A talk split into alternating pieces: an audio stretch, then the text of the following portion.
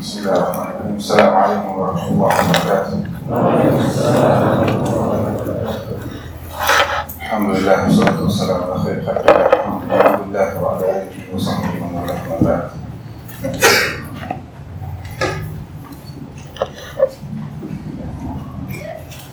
Lanjutkan insyaallah Meraja kita Tauhid. Kita Tolong dulu ya.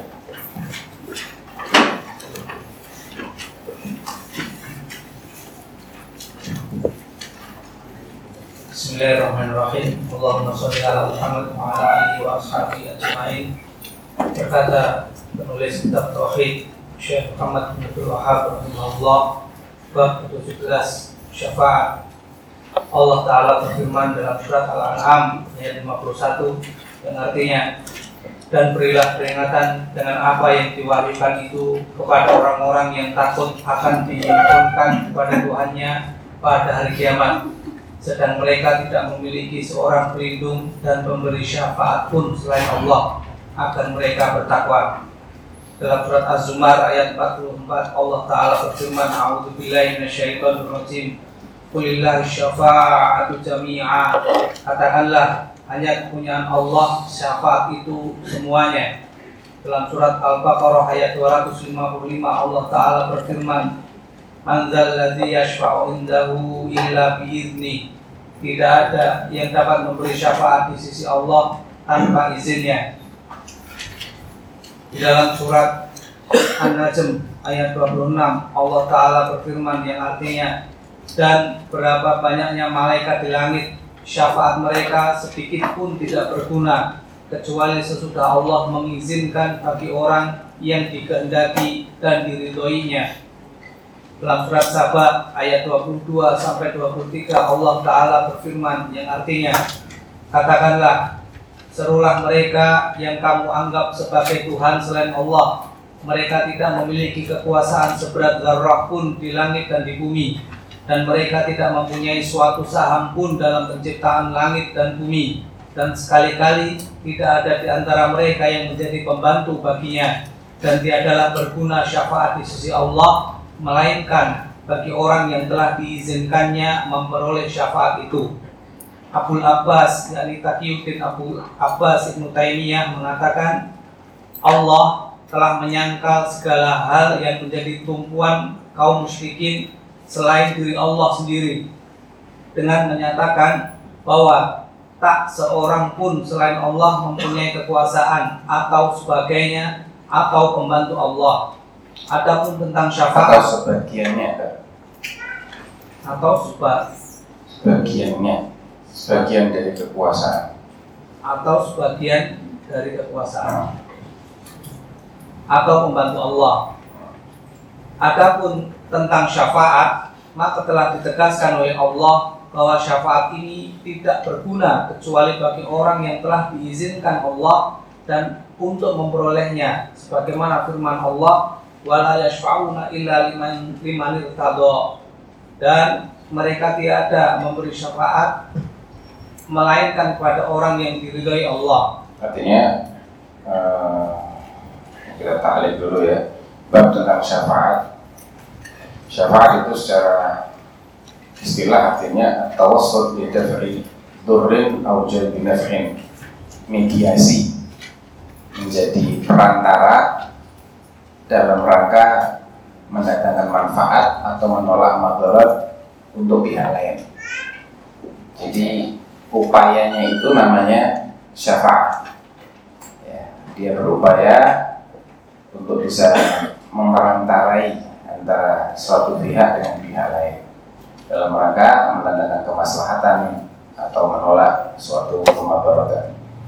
Nah, dalam bab ini Allah SWT telah menjelaskan bahwasanya syafa'ah itu mutlak miliknya Allah. Artinya hak untuk menerima atau menolak pengajuan syafaat itu 100% hanya Allah dan orang-orang atau pihak-pihak saya bilang pihak karena tidak ada manusia bisa malaikat bisa juga Al-Quran ya, memintakan syafaat pihak-pihak yang memintakan syafaat itu itu juga tidak bisa secara langsung mengajukan syafaat.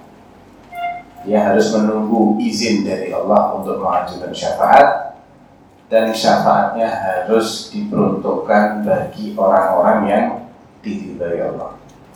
Jadi ini yang dua hal ini yang e, membedakan suatu jenis syafaat itu diterima ataukah ditolak. Pertama, yang mengajukan harus mendapatkan izin yang dituju atau pihak yang akan mendapatkan manfaat dari syafaat itu harus juga pihak yang diridhai oleh Allah. Wala yashfa'una illa liman irtadha.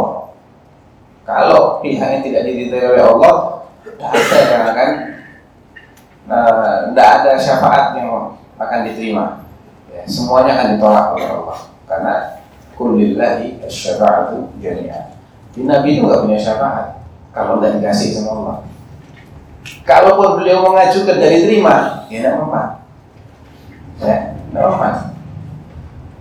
Apalagi yang lain.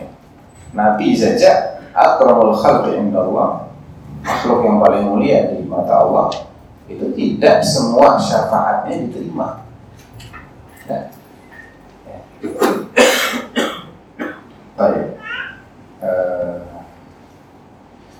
jadi banyak sekali ayat-ayat yang menegaskan tentang bahwasanya kepemilikan syafaat itu mutlak di tangan Allah, bukan yang yang lainnya. Para malaikat tidak punya. Wa kami malakin kesamawati la tughni syafa'atuhum syai'an. Malaikat makhluk yang demikian mulia tidak pernah maksiat saja syafaatnya tidak akan ada manfaatnya sedikit pun illa kecuali min ba'di ayyadana Allah liman yasha wa yarda. Dua syaratnya disebutkan langsung dalam ayat ini. Kecuali setelah Allah mengizinkan malaikat ini untuk mengajukan syafaat dan objek syafaatnya itu adalah pihak yang diridhoi. Boleh boleh dinaza'antum min dunillah. Ayo panggil-panggil aja itu, minta-minta itu yang kalian klaim mampu memberikan manfaat selain Allah La yamlikuna mithqala dzarrah fis samawati wala fil ard. Sesungguhnya mereka itu tidak punya kekuasaan walau sebesar darah pun di langit maupun di bumi. Kekuasaan yang ada di tangan mereka itu pemberiannya Allah yang setiap saat bisa Allah cabut. Kulillahumma malikal mulki tu'til mulka man tasha wa tanzi'ul mulka mimman tasha. Jadi al-mulku lillah. Kuasaan itu milik Allah. Kalau kekuasaan sudah Allah nafikan dari selain dirinya. Nah syafaat itu kan modal dasarnya kekuasaan, toh? Iya kan? Ketika Allah sudah menafikan, tidak ada selain Allah yang berkuasa. Terus kalian mengharapkan manfaat dari siapa? Orang selain Allah nggak punya kekuasaan secuil pun. Mereka tidak punya saham sedikit pun dalam penciptaan langit maupun bumi dan mereka nggak pernah dimintai tolong sama Allah ketika Allah tidak menciptakan langit dan bumi. Jadi mereka ada nggak ada ataupun tidak ada nggak ada pengaruh sedikit pun bagi Allah. Keberadaan mereka itu tidak berpengaruh sedikit pun bagi Allah. Allah nggak butuh sama mereka. Jadi salah besar kalau ada orang yang mengharapkan syafaat dari selain Allah. Salah besar. Dia akan menggigit ke sepuluh jarinya, tidak cuma dua. Sepuluh sepuluhnya kan dia gigit. Saking nyeselnya dia karena kenapa kok saya nggak belajar tauhid. Ya. Salah dia mengharapkan syafaat dari selain Allah. Fahadhi syafa'ah allati yadhunnuha al-musyrikun hiya manfiyah. Orang-orang musyrik itu juga percaya ada syafaat, tapi syafaat yang mereka percaya itu syafaat yang tidak ada gunanya sama sekali. Jadi jangan asal berkepercayaan. Hati-hati dengan aliran kepercayaan yang tidak jelas. walaupun dilindungi oleh undang-undang karena undang-undang nggak bisa ngasih syafaat kok bisa ngasih syafaat undang-undang Hah? nggak bisa ya kalau ada yang melindungi suatu aliran kepercayaan kita sebagai orang beriman harus percaya bahwa itu nggak akan ada manfaatnya selagi itu tidak dibenarkan oleh Allah dan Rasulnya maka itu adalah kepercayaan-kepercayaan yang menyesatkan dan membinasakan kalau diikuti. Fahadi yadhunnuha al-musyrikun. Syafaat yang mereka yakini, oleh orang-orang musyrik itu sebenarnya tidak ada apa-apanya. Manfiyah ditiadakan oleh Allah manfaatnya. Karena manfaat Al-Quran sebagaimana Al-Quran telah menafikan manfaat-manfaat dari segala, segala macam syafaat yang diharapkan oleh orang musyrik dari sesembahan mereka. Dan Nabi juga mengabarkan annahu ya'ti fayasjudu li rabbihi wa yahmadu. Bahwa Nabi sendiri yang sering dimintai syafaat oleh umat-umatnya yang jahil. Umatnya yang jahil itu minta syafaatnya kepada Nabi. Kalau yang berilmu nggak minta sama Nabi minta sama siapa? Allah. Nabi tidak punya syafaat. Nabi diberi peluang oleh Allah untuk mengajukan syafaat. Syafaatnya bukan punya Nabi kalau Nabi punya Nabi tidak tunggu-tunggu loh langsung aja dikasihkan kepada siapa yang Nabi mau supaya orang tersebut dihindarkan dari mabarat Nabi akan kasih langsung tapi kalau Nabi sendiri sudah bolak-balik menekankan seperti yang kita bahas sebelumnya dalam bab sebelumnya. Nabi memperingatkan keluarganya, ahli baitnya agar apa? Angkiri nafsaki minanar. Selamatkan dirimu sendiri, wahai Abbas, wahai Sofia, wahai Fatimah. Saya tidak bisa ngapa-ngapain kamu. Kan jelas nih, Nabi tidak punya kekuasaan sedikit pun. Laisa laka minal amri syai' Engkau tak punya kekuasaan sedikit pun terhadap nasib mereka. Jelas. Kok yang dimintai malah Nabi? Nabi tidak punya apa-apa. Makanya Nabi ketika beliau hendak mengajukan asyafaatul umma itu pakai protokoler. Iya.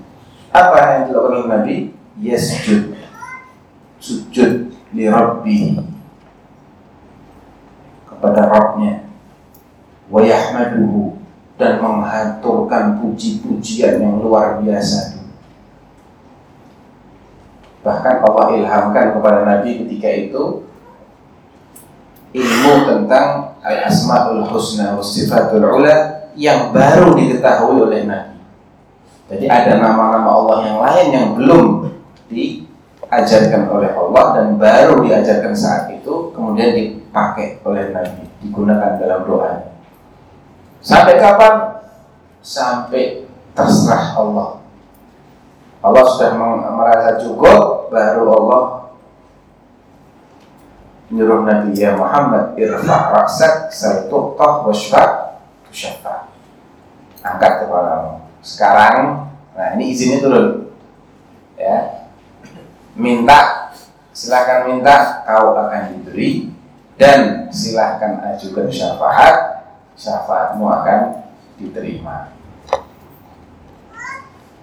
La yabda'u syafaati awal tidak langsung mengajukan syafaat. Ini yang menunjukkan bahwa Nabi tidak memiliki syafaat Hatta kesempatannya itu pun bukan kesempatan yang sudah dimiliki belum. Kesempatannya adalah pemberian dari Allah.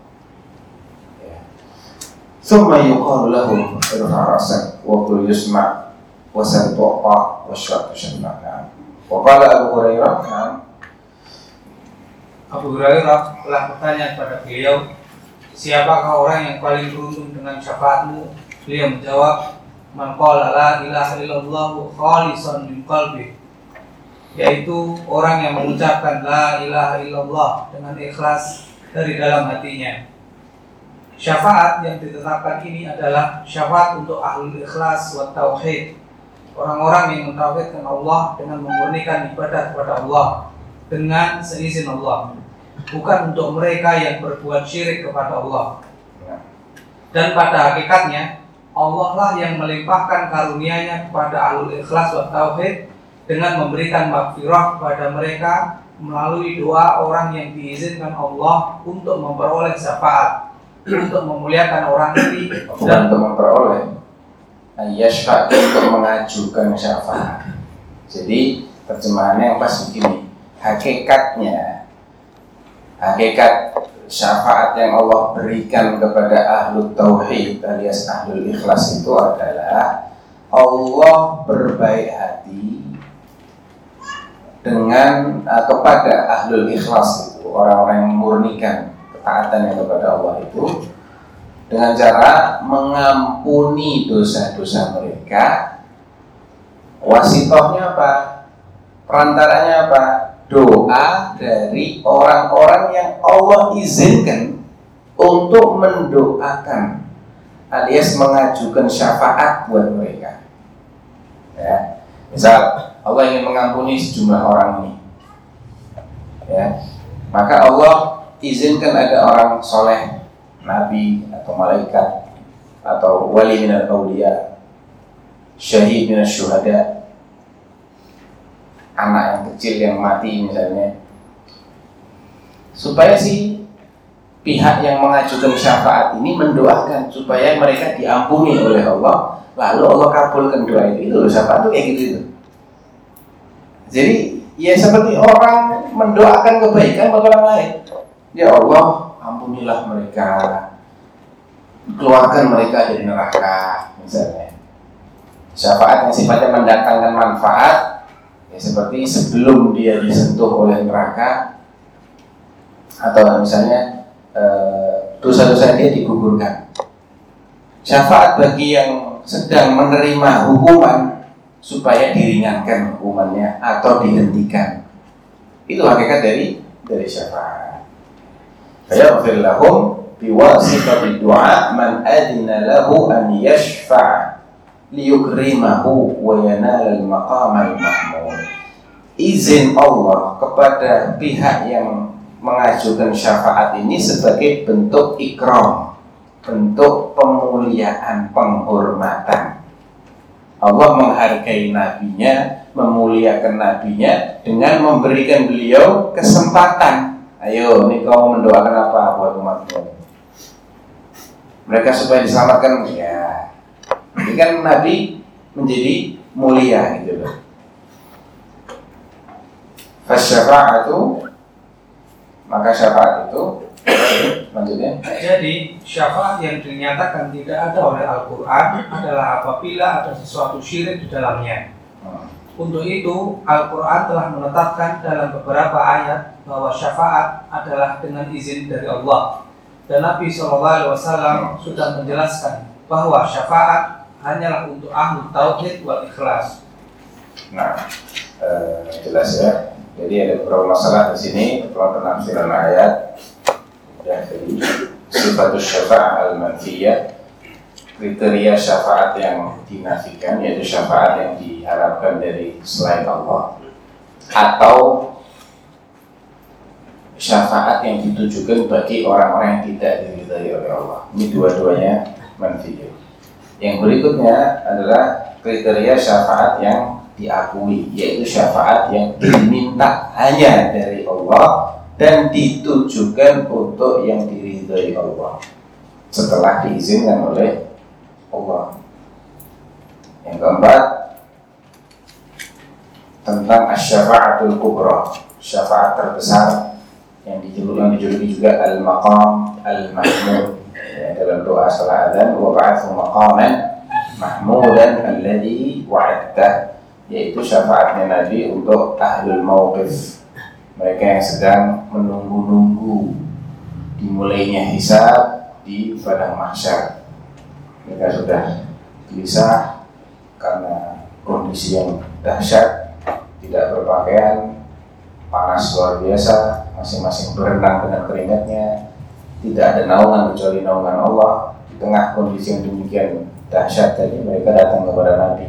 Adam Adam menolak kepada Nuh Nuh menolak kepada Ibrahim alaihissalatu wassalam Ibrahim menolak kepada Musa Musa menolak kepada Isa Isa menolak akhirnya dialihkan kepada Rasulullah SAW tidak bisa lagi selain beliau. Beliau terakhir. Harapan terakhir adalah supaya Rasulullah SAW ini mengajukan minta supaya Allah segera memulai hisab. Dan itulah yang dimaksud dengan syafa'ah al-kubra al-uzma wal maqam al-mahmud. Karena semua orang terima kasih kepada Rasulullah mukmin maupun kafir.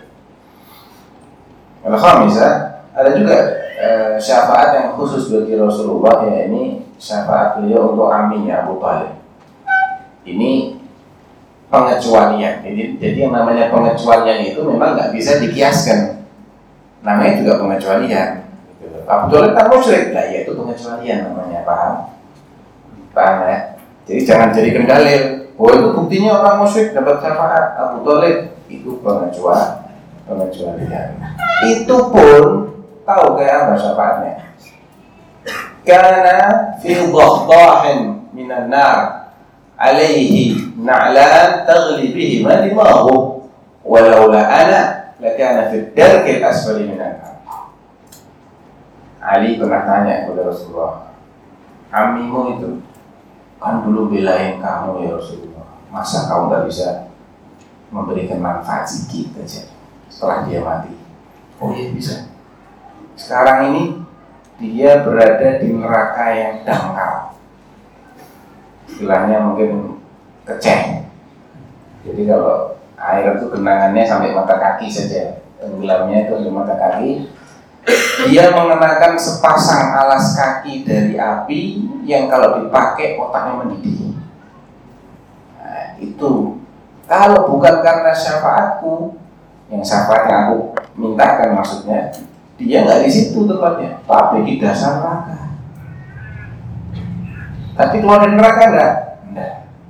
Enggak keluar dari neraka Tetap di situ cuma naik levelnya. Jadi ya ya itu tetap di neraka ya tidak keluar kemudian الخامسة صفة ما يفعله النبي صلى الله عليه وسلم وأنه لا يبدأ بالشفاعة أولا بل يسجد فإذا أذن الله له شفاعة ini menunjukkan bahwasanya izin dari Allah itu mutlak untuk siapapun termasuk ketika Nabi hendak mengajukan asyafaatul ulama beliau menunggu izin dengan sujud dulu. Muji-muji Allah dulu. Saya man as'adun nasi biha Siapa orang yang paling bahagia Dan mendapatkan syafaat? Rasulullah SAW Dijelaskan Man qala la ilaha illallah Khalisan min qalbi. Dan uh, Perlu kita ingat lagi Bahwa setiap hadis Yang nadanya seperti ini Siapa yang mengatakan la ilaha illallah bla bla bla dia bakal masuk jannah atau terbebas dari neraka. Maka harap difahami bahwa itu bukan berarti ucapan sudah cukup. Sekedar mengucapkan selesai. Sempurna Islamnya, bukan begitu. Ya, itu penjelasan oleh Al-Imam Ibnu Khuzaimah dalam kitab Tauhid beliau Ibnu Khuzaimah meriwayatkan ratusan hadis di sana rata-rata isi tentang fadail tauhid, fadail la ilaha illallah. Baru kemudian beliau berkomentar, wahada innama arada an-nabi sallallahu alaihi wasallam biqaulihi man qala la ilaha illallah dakhala al-jannah aw hurrima 'ala an-nar bayan fadilah hadzal la annahu jami'ul islam. Kama yad'i dzalika man la yafham al-'ilma wa yu'anid wa la yata'allam hadhihi as-sina'ata min ahliha. Intaha kalamu jadi intinya ketika Nabi mengatakan siapa yang mengatakan la ilaha illallah akan masuk jannah terbebas dari neraka ini maksudnya menjelaskan fadilah dari ucapan la ilaha illallah. Bukan berarti ucapan la ilaha illallah itu sudah mewakili semua ajaran Islam. Nah, tidak seperti yang difahami yang diklaim oleh orang yang sok tahu. Kata beliau begitu ya dari ilm. Ya dari itu sok tahu. Ya dari ilmu itu sok tahu artinya wala wa yu'anid sudah gitu ngeyel pula. Dikasih tahu itu nggak cukup gitu itu. Syahadat itu ada konsekuensinya ada aturannya kalau cuma mengucap toh nggak mau terikat dengan aturan mainnya percuma Nggak mau dia, nggak percaya juga. Ya, dibilang ini ajaran Wahabi kayak, dibilang bid'ah. Ya. Wala yata'allam hadhihi sina'ata min ahliha dan tidak belajar ilmu tauhid ini dari ahli tauhid. Jadi gagal paham. Baik. Jadi termasuk hadis ini maksudnya juga begitu. Imam Az-Zuhri mengatakan kami memahami bahwa hadis-hadis yang sifatnya iming-iming untuk mengucapkan syahadat itu di awal Islam saja. Sebelum turun berbagai macam syariat. Setelah itu turun perintah ini perintah itu larangan ini larangan itu. Dan kita juga diperintahkan untuk terikat dengan itu semua. Tidak diper, tidak dicukupkan dengan mengucapkan la ilaha illallah enggak bahkan surah al-munafiqun dengan tegas menyebutkan ada orang yang mengucapkan la ilaha illallah ditolak oleh Allah Subhanahu wa taala. Karena nggak sinkron antara lisan dengan hatinya. Dengan perbuatan nggak sinkron. Ya. Baik. Sabi'ah annaha la takunu liman asyraka billah. Syafaatnya Rasulullah itu tidak akan dirasakan manfaatnya bagi orang musyrik. Karena orang musyrik itu lam yakun mukhlisan ya. ucapan la ilaha illallah yang tidak dibarengi dengan ikhlasul amal lillah Thaminah bayan haqiqatiha sudah kita bahas juga ya. Baik berikutnya 16 Nabi tidak dapat memberi Nah, sebab Nabi tidak dapat memberikan hidayah kecuali dengan kehendak Allah. Allah Taala berfirman, Inna la tahdi man Allah yahdi man yasha wa huwa. Sesungguhnya kamu tidak akan dapat memberi petunjuk kepada orang yang kamu kasihi, tetapi Allah memberi petunjuk kepada orang yang dikehendakinya. Dan Allah lebih mengetahui orang-orang yang mau menerima petunjuk. Surat Al-Qasas ayat 56. Diriwayatkan dalam Sahih Bukhari dari Ibnul Musayyab bahwa bapaknya berkata, tatkala Abu Talib akan meninggal, datanglah Rasulullah SAW kepadanya. Dan saat itu ada Abdullah bin Abu Umayyah serta Abu Jahal berada di sisinya. Maka beliau bersabda kepadanya, Ya Ammi, Qul la ilaha illallah kalimatan uhajju laka biha indallah. Wahai pamanku, ucapkanlah la ilaha illallah suatu kalimat yang dengannya aku dapat membelamu di hadapan Allah. Tetapi disambut oleh Abdullah bin Abu Umayyah dan Abu Jahal. Apakah kamu membenci agama Abdul Muttalib? hmm. apa hubungannya la ilaha illallah kok dipahami sebagai benci dengan ajaran leluhur yang tidur bangun berantem ya khusyuk banget paham gimana untuk dulu lah kalau ngantuk ya anak-anak kak di sini karena ini penting anak di sini karena ini penting coba antum renungi Ya ammi qul la ilaha illallah kalimatan uhajju laka biha indallah Nabi ngajak apa? Nabi ngajak supaya pamannya ini mencaci maki Abdul Muthalib. Enggak?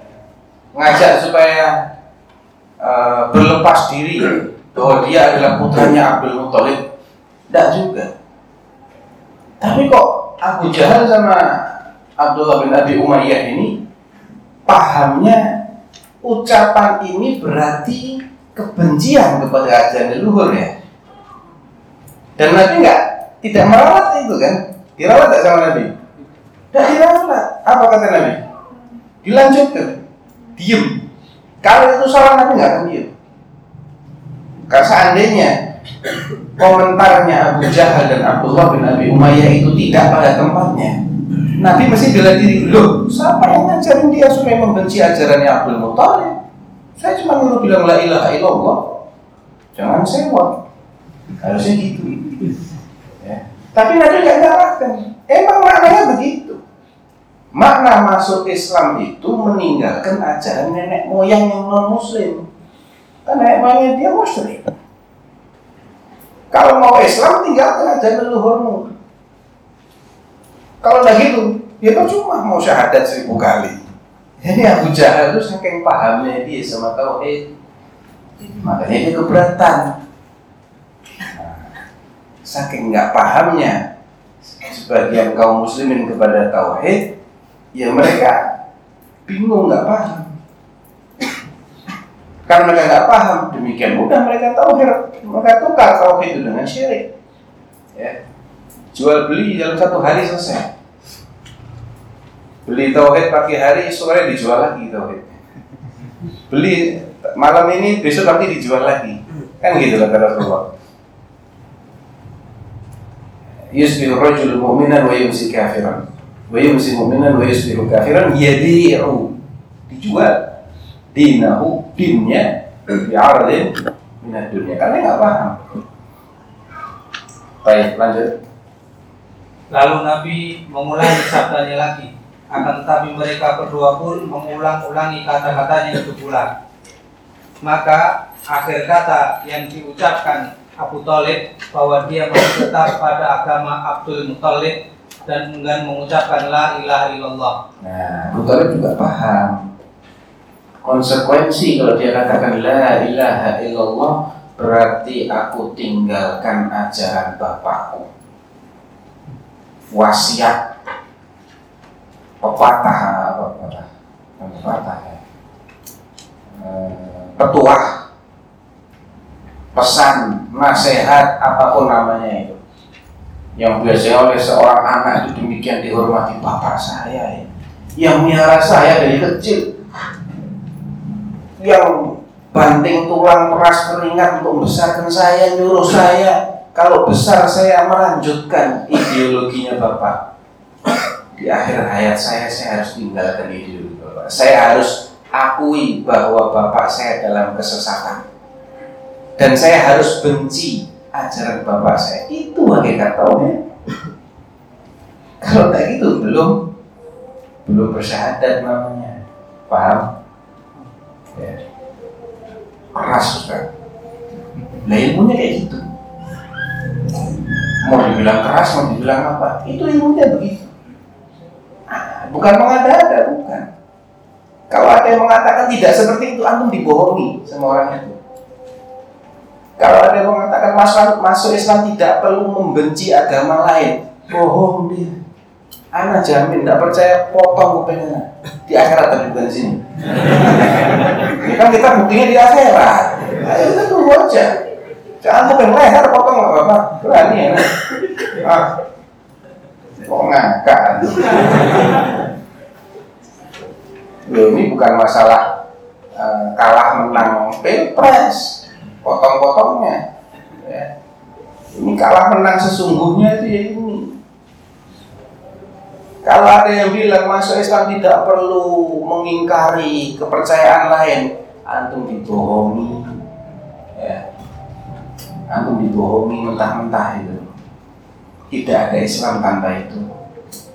Tapi membenci mengingkari tidak sama dengan mendolimi itu loh. Tenang aja nggak usah takut. Ada apa? Islamofobi. Ya.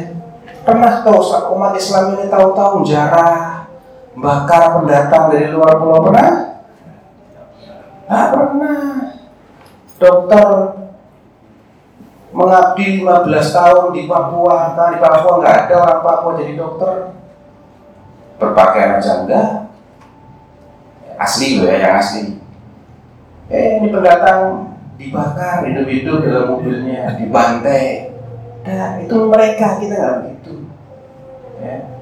yang di Jogja dibilang monyet orang Jawa yang di sana di dibantai. Di mana letak keadilannya? Saya pernah ditanya lewat WhatsApp. Kita boleh nggak? Kalau mereka yang keluarga syuhada wamena ini menuntut kisos terhadap orang-orang Papua yang ada di Jawa. Paham maksudnya? Ya, ya nggak boleh tak bilang. Mau yang bantai bukan mereka, nggak boleh. Ini tidak tidak menghalalkan seperti itu. Tidak. Jadi kebencian itu sebagai konsekuensi tidak terpisahkan. Long antum meyakini la ilaha illallah tidak ada yang berhak, yang pantas, yang layak untuk diibadahi kecuali Allah. Kok bisa-bisanya menganggap agama lain yang mengajarkan supaya selain Allah itu disejajarkan dengan Allah juga dianggap benar? Nggak dibenci. Ya nggak ketemu. Nggak ketemu. La ilaha itu sudah kebencian dulu. Pernyataan permusuhan dulu. Ya. Uswah kita Ibrahim di surah Al-Mumtahanah ayat 4 apa kata Allah? Qad kana lakum uswatun hasanatun fi Ibrahim wa ladina ma'ahu. Id qalu liqaumihim inna bura'a minkum wa mimma ta'buduna min dunillah. Ada suri tauladan yang baik pada diri Nabi Ibrahim dan orang-orang yang bersamanya. Kapan itu?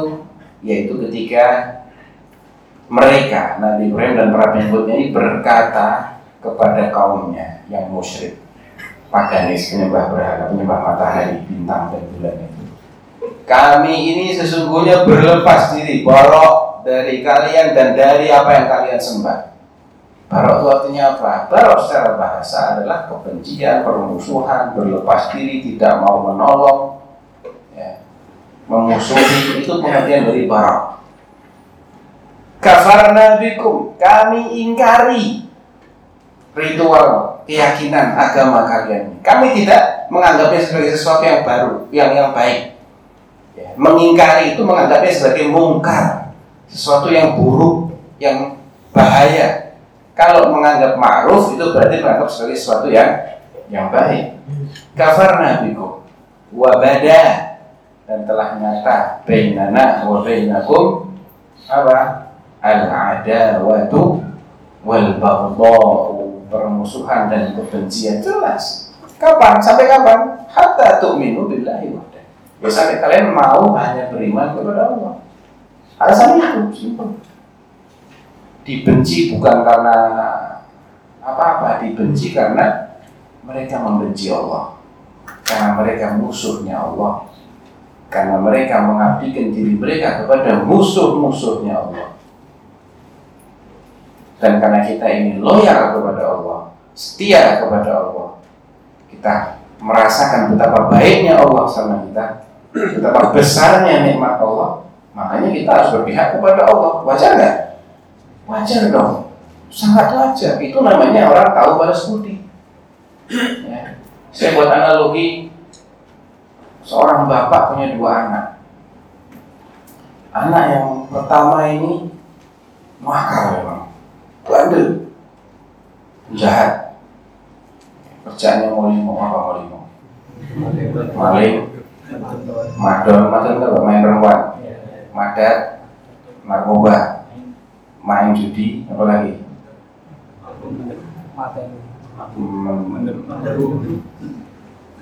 mendem oh iya. Mabuk-mabukan. Itu lengkap dulu sepaket ya. Jalanin semua. Tapi si anak ini tidak pernah mengingkari jasa baik bapaknya. Dan dia hanya mengakui bapaknya yang sesungguhnya adalah bapaknya yang ya bapaknya yang itu. Bukan yang lain. Siapa pun yang dimusuhi oleh bapaknya akan dimusuhi oleh anaknya dan siapa pun yang dicintai oleh si bapak ini akan dicintai oleh anaknya walaupun anaknya di mata orang adalah penjahat tapi dia setia dengan bapaknya di mata bapaknya ini anak dia bukan? Anak dia. Yang satu lagi, ini nggak pernah dia, nggak pernah mau limo. Baik dia. Sekolahnya yang lulus, pinter, nggak nyontek ketika ujian. Ya. Kerja juga nggak telat-telat, datangnya tepat waktu. Nggak pernah dia mengganggu masyarakat sekitar Cuma dia tidak pernah mau mengakui sang bapak sebagai bapaknya dia. Bahkan musuh-musuh bapaknya itu dijadikan sahabat akrabnya. Dia abdikan hidupnya si anak ini kepada musuhnya bapaknya. Di mata bapaknya, ini anak kurang ajar. Ya. Tidak tahu balas budi. Nah itu baru bapak sama anak. Lah Allah Subhanahu wa taala sama kita baiknya. Ya, rahmatnya Allah itu ada 100 yang 99 ceritakan sama Allah satu persen yang diturunkan ke muka bumi dari satu persen ini makhluk hidup bisa berkasih sayang semua makhluk hidup bisa berkasih sayang itu baru satu persen rahmatnya Allah. Artinya jauh lebih berhak kita ini untuk bersikap loyal kepada Allah walaupun dengan mengorbankan loyalitas kepada yang yang lain. Daripada Taib. Jadi kemudian di akhir hadis yang diriwayatkan oleh Sa'id ibn al-Musayyib dari bapaknya, bapaknya ini termasuk sahabat Nabi ya, al-Musayyib ibn Hazan, bahwa Abu Talib ternyata memilih untuk loyal dengan ajaran bapaknya. Ini menegaskan lagi bahwa memang dia faham konsekuensi dari ucapan la ilaha illallah. Dan konsekuensi itu tidak menuntut dia untuk uh, melakukan sholat enggak nggak bisa dia disuruh sholat ketika itu udah mau mati yang bisa apa yang bisa merubah keyakinan yang tadi selama ini selama entah dia umurnya berapa puluh tahun saya tidak tahu dia yakini sebagai kebenaran dengan mengucapkan kata-kata itu dia harus rubah saya harus berbalik meyakini yang selama ini saya yakini sebagai kebenaran, saya ganti bahwa selama ini yang saya yakini itu adalah batil. Walaupun itu yang ngajarin begitu adalah nenek moyang saya. Itu yang dituntut oleh Rasulullah SAW sebagai bagian tak terpisahkan dari kesaksian la ilaha illallah. Dan itu yang Abu Talib tidak bisa. Jadi Abu Talib ini bukan tidak bisa karena aduh nanti saya suruh jihad, saya suruh puasa, saya suruh sholat lima waktu, saya suruh bayar zakat, mau mati kok. Bukan untuk itu, eh untuk merubah keyakinan. Ya. Nah, taib. Fihi masail al-ula tafsiru qawlihi innaka la tahdi man ahbabta. Hidayah yang dinafikan ini adalah hidayatut taufiq engkau tidak bisa menggerakkan hati orang yang kau sukai untuk mengikuti jalan kebenaran ini. Jadi ada dua macam hidayah. Hidayatul irsyad itu semua kita bisa melakukan karena irsyad itu sekedar menunjukkan. Ke Surabaya lewat mana Pak? Terus belok kanan. Tapi yang menjadikan si penanya ini kemudian mengikuti petunjuk itu itu Allah. Kita nggak bisa. Ya. Ini yang dinafikan dalam ayat ini. Hidayah itu taufik. Sekedar memberitahukan Nabi iya. Wa innaka latahdi ila siratim mustaqim di akhir surat Syura itu. Allah menetapkan hidayah jenis pertama ini hidayatul irsyad wal bayan. Sekedar menjelaskan, membimbing, mengarahkan. Itu Nabi kerjanya memang begitu. Semua dai-dai seperti itu. Ya. Tapi kalau me menjadikan orang yang sudah dibimbing itu kemudian mau mengikuti jalan tadi itu hanya milik Allah. Yang kedua, qauluhu ta'ala wa ma kana linabi ma kana linabi linnabiyyi walladzina amanu an yastaghfiru lil musyrikina walau kanu uli qurba min ba'di ma tabayyana lahum annahum ashabul jahim. Ini bentuk barok terhadap orang-orang yang tidak mau beriman. Walaupun kerabat, saking baroknya tidak didoakan untuk diampuni oleh Allah.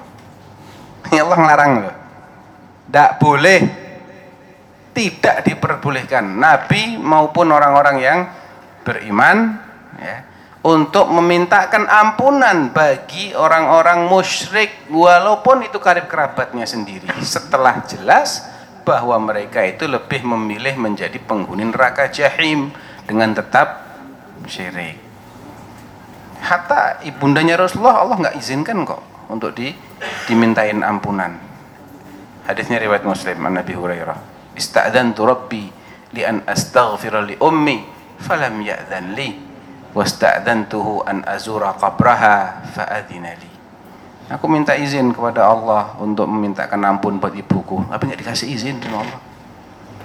Jadi masalah akidah ini hitam putih memang. Ya, suka nggak suka gitu aturannya. Baik, yang ketiga, wahyal mas'alatul kubra, masalah terbesar yaitu penafsiran la ilaha illallah, makna konsekuensi di balik la ilaha illallah yang disalahfahami oleh banyak orang yang sok tahu hari ini. Bi khilaf ma'alaihi man yadda'il ilm. Terjemahannya apa di situ?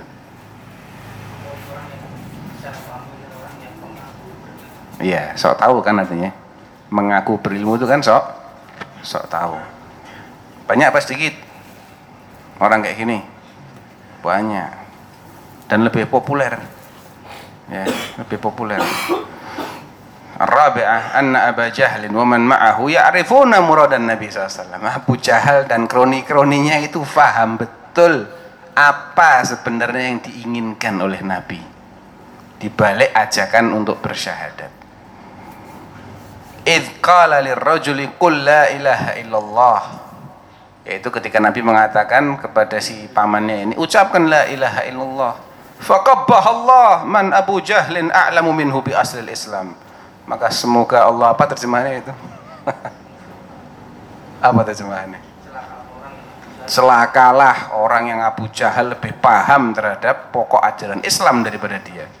Kalau hari ini ada orang ngaku muslim tapi Abu Jahal lebih paham Islam dari, daripada dia. Celaka ini orang. Maksudnya apa? Celakalah orang yang salah dalam memahami la ilaha illallah. Padahal Abu, Abu Jahal aja paham. Cuman beda antara paham dengan itibak kan beda. Ada orang paham tapi dia nggak ngikuti. Ada lagi orang yang ngikuti tapi nggak paham dia. Gitu loh. Ngakunya saya ini paham saya ini mengucapkan la ilaha illallah tapi di saat yang bersamaan dia melakukan pembatal daripada la ilaha illallah. Ini kan orang celaka namanya. Ya buat apa kau ngucap kalau gitu? Tuh loh kayak Abu Jahal itu komitmen malah gentleman dia. Ya, karena dia paham dia tidak sanggup begitu dia nggak ngucap. Lah kamu ini sok tahu ya bolak-balik ngucap la ilaha illallah semalam suntuk tapi nggak paham. Belajar dulu sama Abu Jahal sana ya. Biar dikasih tahu ini kan dikeplak kau balul kau. Itu bukan la ilaha illallah namanya. Itu al-khamisah jidduhu sallallahu alaihi wasallam wa mubalaghatuhu fi islami ammih keseriusan dan kesungguhan Rasulullah ya untuk menarik mengislamkan pamannya. Tapi ya lagi-lagi itu hidayah. Allah lebih tahu kenapa kok Allah tidak bukakan hatinya Abu Jahal pamannya Rasulullah. Ada hikmah yang besar di balik itu. As-sadisah ar-raddu ala man za'ama Islam Abdul Muttalib wa aslafih. Ini juga merupakan bantahan telak bagi sebagian kalangan yang mengklaim bahwa kakek atau nenek moyangnya Rasulullah itu muslim. Kalau nenek moyangnya muslim ngapain Abu Talib keberatan untuk masuk Islam? Ya enggak? Iya. Ada loh hari ini sebagian kalangan yang melarang membaca surat Al-Lahab. Tidak boleh menyakiti keluarga Nabi katanya. Ya, ini kan aminnya Rasulullah ini. Semua surat boleh baca kecuali surat Tabat Yada Abi Lahab. Jangan. Karena konon pendiri masjid itu adalah dari kalangan Ahlul Bait. Ya bener apa anda tidak tahu, cuma mereka ngakunya begitu. Ya, kan lucu ini. Fakta kok takut loh. Terus kalau tidak boleh dibaca, terus Abu Lahab jadi Muslim gitu. Hah? Hmm, lucu ini. Ar-raddu ala man za'ama Islam Abdul Muttalib wa aslafi. Karena seandainya nenek moyang Rasulullah itu muslim semua, Abdul Muttalib gak akan keberatan. Oh, saya masuk Islam, saya mengikuti jejak nenek moyang saya, jejak bapak saya, kakek saya kan gitu. Sabi'ah kaunuhu sallallahu alaihi wasallam istaghfara lahu falam yughfar lahu bal nuhiya an dzalik. Nabi sempat memintakan ampunan untuk pamannya tapi tidak diterima bahkan kemudian dilarang. Ya tidak boleh. La astaghfiranna lak ma lam unha an dzalik aku akan mintakan ampun untukmu selama aku nggak dilarang. Tak dilarang sama Allah.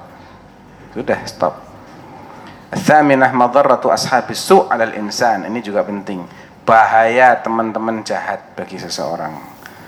Ya, di akhir hayat mereka tidak tidak berhenti untuk menyeret pada kebinasaan. Dan gara-gara berteman dengan Abu Jahal dengan Abdullah bin Abi Umayyah ikut ya makanya orang Arab yang patah as-sahibus sahib. Sahib itu sahib. Sahib itu yang nyeret. Madarratu ta'zimil aslaf wal akabir. Bahaya terlalu mengagungkan nenek moyang dan leluhur. Terlalu menokohkan seseorang itu berbahaya. Mengagungkan yang tidak proporsional karena leluhur kita itu nggak terjamin kok. Apa jaminan leluhur kita itu? Selamat di akhirat. Tidak ada. Kalau terlalu mengagungkan leluhur warisan mereka petuah mereka kita sejajarkan seakan-akan ayat dalam Al-Quran hadis dari Rasulullah SAW bahaya. Iya kalau Bapak Antum Syekhul Islam Ibn Taimiyah. Bapaknya we mau Al-Fatihah ora bener sholat belum tentu. Eh, kok di bela-bela mati-matian? Eh. Hatta bapaknya Syekh Hamid Taimiyah nggak boleh dilakukan secara berlebihan. Tetap yang kita ikuti itu dalil. Selain kalamullah wa kalamur rasul tidak ada yang maksum. Al-ashirah syubhah lil mubtilina fi dhalik listidlali abi jahlin fi dhalik uh, syubhah lil mubtil apa terjemahannya di situ Hah? Apa? Nama besar mereka inilah yang dijadikan orang-orang jahiliyah sebagai tolak ukur kebenaran. Ah, ya artinya kalau ada yang mengingkari sikap mengagungkan nenek moyang sebagai suatu yang salah, enggak, itu sesuatu yang benar, tidak ada bahayanya. Nah, syubhat itu akan terbantahkan. Karena buktinya Abu Jahal berdalil dengan nama besar leluhur tadi untuk menganggap bahwa ajaran Muhammad yang bertentangan dengan ajaran yang adalah sesuatu yang batil. Ini semakin menguatkan bahwa sikap berlebihan dalam menghargai budaya, tradisi, adat itu bahaya besar. Bahkan akidah dan keselamatan hidup di akhirat tergadai gara-gara itu. Dan sampai hari ini faktanya begitu loh fakta itu ya ketika ada sebagian orang mengingkari acara sesajen laut dan berusaha membatalkan acara itu yang dikriminalisasi justru mereka Bukan pelaku sesajen yang sesat itu enggak, ini mereka ingin melestarikan tradisi kok. Dalilnya tradisi. Ya. Nah, ini ini menunjukkan memang ini subhat ini subhat yang besar ini. Al Hadiyat asyrah syahid bi kaunil a'mal bil khawatim li'annahu law qalaha nafa'athu. Bukti bahwasanya amalan itu dinilai berdasarkan pungkasannya penutupnya karena seandainya Abu Talib walaupun sejak 50 atau 60 tahun sebelumnya dia ini dalam kubangan syirik dalam kekufuran yang nyata. Tapi kalau di akhir hayat dia mau bersaksi, mau mengganti ideologinya tadi, bukan cuma ngomong doang loh ya. Tapi dengan keyakinan bahwasanya selama ini saya sesat, ideologi yang saya anut selama ini adalah ideologi batil. Sesat itu. Yang benar adalah yang sekarang saya akan ikrarkan dengan lisan saya ini. Maka itu akan manfaat buat dia. Itu akan menjadikan dia husnul khatimah bukan su'ul khatimah الثانية عشرة التأمل في كبر هذه الشبهة fi qulubid dhalin kita harus merenungi betapa besar syubhat pengutusan terhadap ajaran leluhur itu di hati orang-orang yang tersesat tersebut. Lianna fil qissah annahum lam yujadiluhu illa biha. Karena dalam penggalan hadis ini yang diriwayatkan oleh Sahihain itu mereka tidak membantah tidak mendebat ajakan Rasulullah SAW untuk bersyahadat terhadap pamannya itu kecuali dengan alasan kau akan khianat sama ajaran bapakmu. Kalau ajaran bapak itu bukan sesuatu yang agung yang sakral buat apa disebut-sebut? Ya. Wa takririhi dan itu di bulan ini juga Nabi mengulang ajakan yang sama, mereka mengulang jawaban yang yang sama, nggak pakai jawaban lain, nggak pakai alasan lain. Seakan-akan inilah alasan terbesar kenapa kamu harus tolak ajakan Muhammad. Dan mereka tahu Abu Talib sangat menghargai ajaran bapaknya. Nah, Abu Talib rupanya punya murid banyak hari ini. Ya, dia rupanya sebelum mati sering bikin daurah. Eh, jadi kurikulumnya masih dilanjutkan. Fali ajli 'azamatiha wa wuduhiha 'indahum iqtasaru 'alaiha. Karena emang ini masalah yang demikian jelas, demikian gamblang, demikian agung di mata mereka, mereka nggak pakai dalil lain, nggak pakai argumentasi lain cukup ini. Ya, mungkin cukup ya. Salat dulu, Allah taala alam. Sallallahu ala nabiyina Muhammadin wa ala alihi wa sahbihi wasallam. Assalamualaikum warahmatullahi wabarakatuh. Bismillahirrahmanirrahim. Assalamualaikum warahmatullahi wabarakatuh. Alhamdulillah wahdah wassalatu wassalamu ala man la nabiyya ba'dah wa ala alihi wa sahbihi man walah amma ba'd. Karena bab 19-nya lumayan panjang jadi kita cukupkan aja sampai dua bab. Ya, kita beralih ke tanya jawab ada pertanyaan ini. Kemarin Bang ya sebutkan namanya di sini ya. Bang itu datang ke kelas saya dengan persetujuan dosen untuk meminta mahasiswa menginstal aplikasi Woke milik bank tersebut. Setelah menginstal dan melengkapi berkas kami mendapat saldo Rp25.000 di aplikasi tersebut Sejatinya saldo tersebut untuk menonton film di salah satu mall sebagai bentuk kerjasama. Namun saldo itu tidak saya gunakan untuk menonton film, tapi saldo itu saya pindahkan ke akun GoPay agar bisa diuangkan dalam bentuk makanan atau minuman Bagaimanakah hukum makanan atau minuman yang dibeli dari saldo tersebut apakah itu termasuk riba?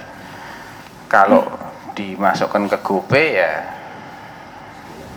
biasanya dapat diskon kan?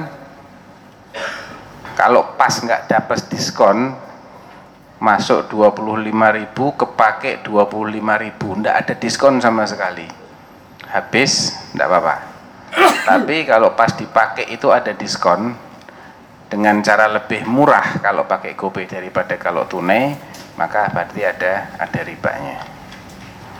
Adapun uang 25 ribunya yang didapat dari aplikasi itu sendiri tidak mengapa karena itu semacam bentuk hibah bersyarat ya. Kamu saya kasih syaratnya kamu install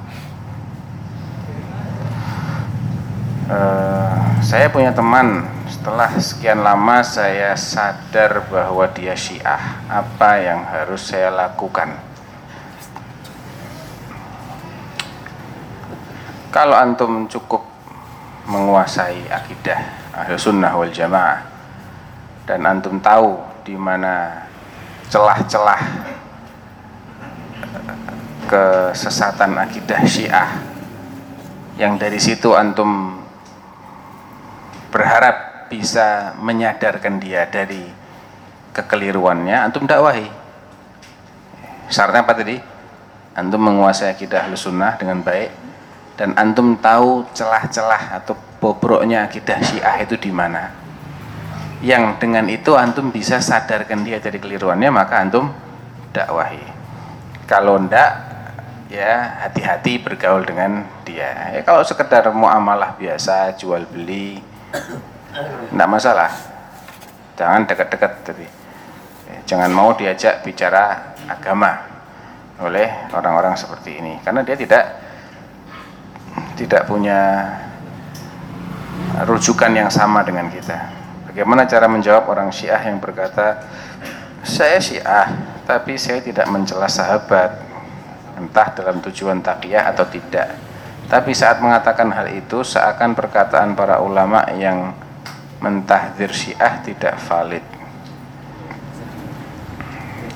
Ya, antum harus tahu Syiah yang berkembang hari ini itu Syiah Rafidhah, bukan yang lain. Kalau ada orang Syiah tidak mencela sahabat, itu takiyah pasti itu. Kemungkinannya ya, uh, supaya tidak terlalu uh, lebay kita kita buat kemungkinan-kemungkinan aja. Kemungkinan yang pertama dia belum benar-benar Syiah. Ya misi malu-malu dia. Belum ngaji bener-bener nih belum tamat kitabnya Syiah belum tamat.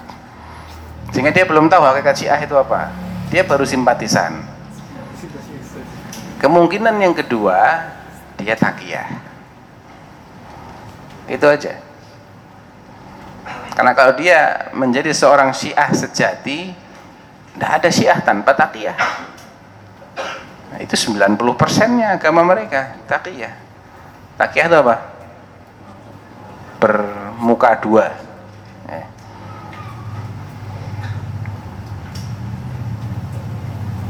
Nah, biar dia nggak kena tahdiran ulama-ulama kita.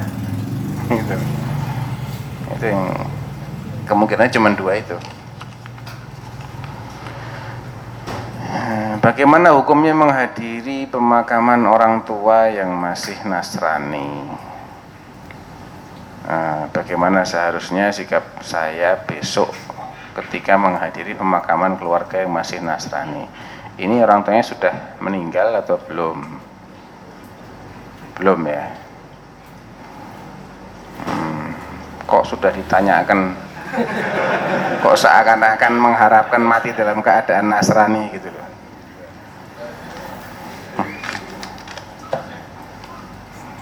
dan bahasanya pakai seandainya. Aja kan gitu. Ada orang tua yang ma yang mati dalam keadaan kafir bolehkah saya menghadiri pemakamannya gitu bagaimana seharusnya jika saya besok ketika menghadiri pemakaman keluarga yang masih nasani mohon doanya semoga Allah memberikan hidayah kepada kedua orang tua dan adik-adik saya amin uh,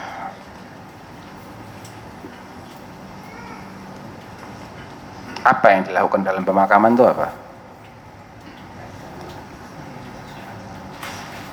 Doa-doa gitu ya, nyanyi di kuburan. Nyanyi. Saya enggak tahu, saya tanya gitu loh. Antum jangan saya enggak tahu soalnya yang dilakukan mereka apa di sana. Ada pendetanya. Terus pendetanya ngapain? Mendoakan. Hmm dengan cara mereka ya jelas no maksud dengan cara kita ya jelas nih itu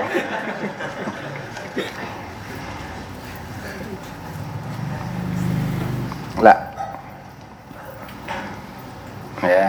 Karena orang karena Nabi SAW mengatakan yang dilayat dan diiring jenazahnya itu muslim bukan yang lain.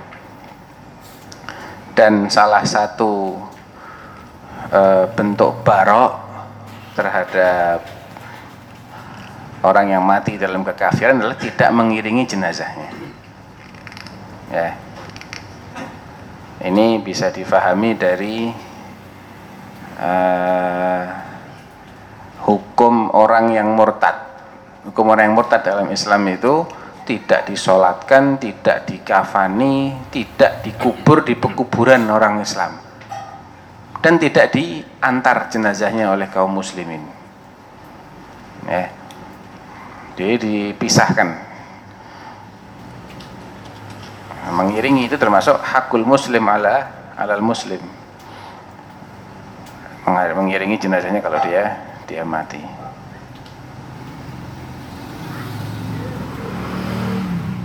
Ya sikapnya sama. Keluarga yang masih nasani juga tidak tidak dihadiri pemakamannya. Kalau jenazahnya lewat lewat aja nggak apa-apa. Tapi kalau diiringi enggak disikapi sebagaimana dohirnya apakah Abdul Muttalib mengikuti cara beragama Nabi Ibrahim dengan benar? Ya enggak no. Enggak enggak agamanya syirik. Agamanya Nabi Ibrahim adalah tauhid. Maka Nabi Ibrahim Yahudiyan wala Nasraniyan walakin kana hanifan musliman walam yaku minal musyrikin. Ya. Uh, inna Ibrahim kanat ummatan qanitan lillahi hanifan walam yaku minal musyrikin. Sama sekali tidak pernah tergolong dalam orang-orang musyrik. Jadi enggak enggak ikutin agamanya Nabi Ibrahim. Bagaimana nasib seseorang yang meninggal dalam kondisi berhutang tetapi tidak ada seorang pun yang mengetahuinya. Ya dia harusnya berwasiat. Kalau dia punya utang sama menanggung utang terhadap orang lain tidak menulis wasiat ya berat ya. Jangankan mati dalam keadaan biasa-biasa mati syahid aja tidak akan menikmati pahala syahidnya. Kalau dia masih punya utang ajr syahid mu'allakun bidainihi hatta yuqda anhu. Makanya harus wasiat orang-orang seperti ini harus wasiat. Tulis ya persaksikan kepada orang-orang yang dikenal kamu saksinya ya saya mengaku saya punya utang sama fulan ya, kalau saya mati tolong jual aset saya. Pertama untuk melunasi utang. Hatta tidak ada warisan sekalipun. Konsekuensinya itu memang sudah kewajiban. Jadi warisan itu kalau utang lunas tidak ada wasiat baru bagi waris. Kalau warisannya kalau harta peninggalannya itu habis dipakai untuk lunasi hutang ya sudah itu yang harus didahulukan. Tidak ada wasiat tidak ada warisan.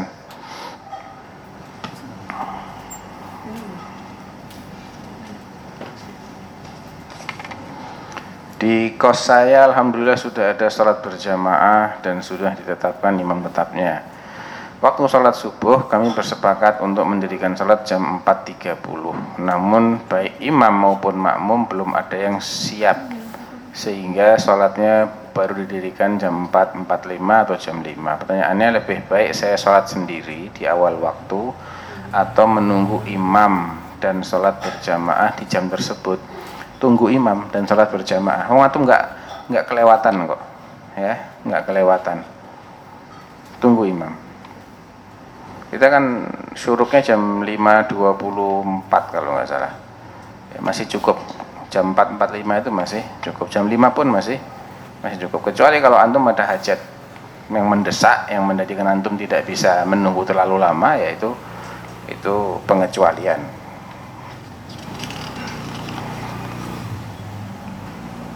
Ini sudah. Ini saya dari akhwat ini. Nah, apa batasan aurat seorang muslimah? Betul kan? Bagaimana dengan bawah dagu? Wajibkah wanita menutupnya saat sholat?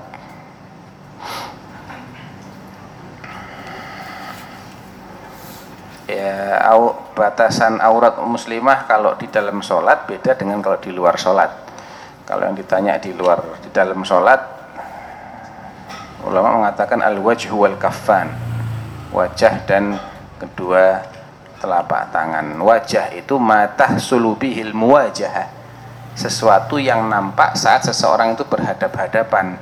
Bawah dagu kelihatan enggak enggak berarti dia bukan termasuk yang boleh di, dibuka ketika sholat. Karena yang namanya wajah itu mata sulubihi al-muwajah sesuatu yang ya kelihatan ketika di, dilihat dari depan.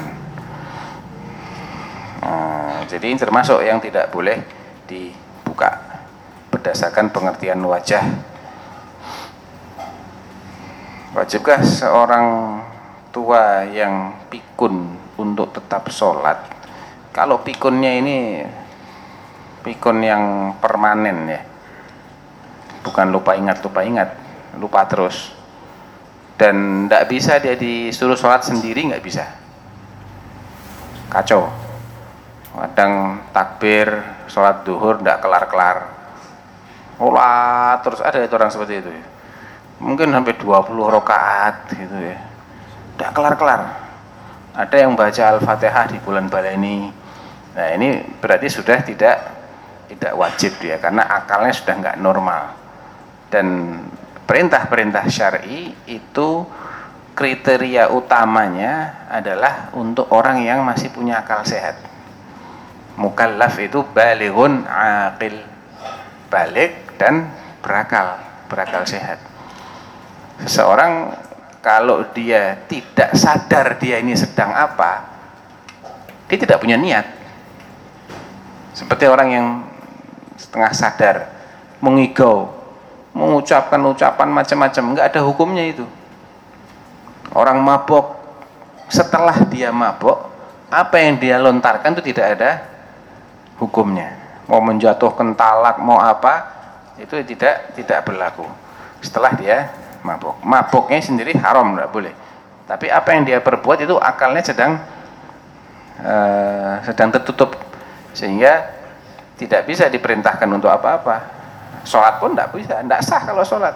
La takrobus sholat wa antum sukara hatta ta'lamu ma taqulun. Sampai kalian tuh sadar kalian ngomong apa. Lah orang pikun ini kan tidak tidak sadar gitu loh, ngomong apa dia. Sehingga kalau sudah sampai setingkat itu ya tidak wajib dia sholat. Karena nggak wajib seseorang itu sholat dengan cara dibimbing oleh orang lain disuruh-suruh. Kalau dia memang berakal dia bisa sholat dengan sendirinya gitu loh. Walaupun cuma dengan isyarat mata dengan kedipan yang penting akalnya ini masih masih e, genah gitu loh. artinya bukan lupa-lupa. Kalau lupa-lupa terus tidak bisa. Walaupun dia gerakan-gerakan dia bisa gerak tapi akalnya sudah nggak beres perintah itu sudah tidak tidak menjadi kewajiban lagi. Baik. Mungkin ini cukup ya. Uh, mudah-mudahan bermanfaat. Allah taala alam. Sallallahu ala nabiyina Muhammad wa ala alihi wa sahbihi wasallam assalamualaikum warahmatullahi wabarakatuh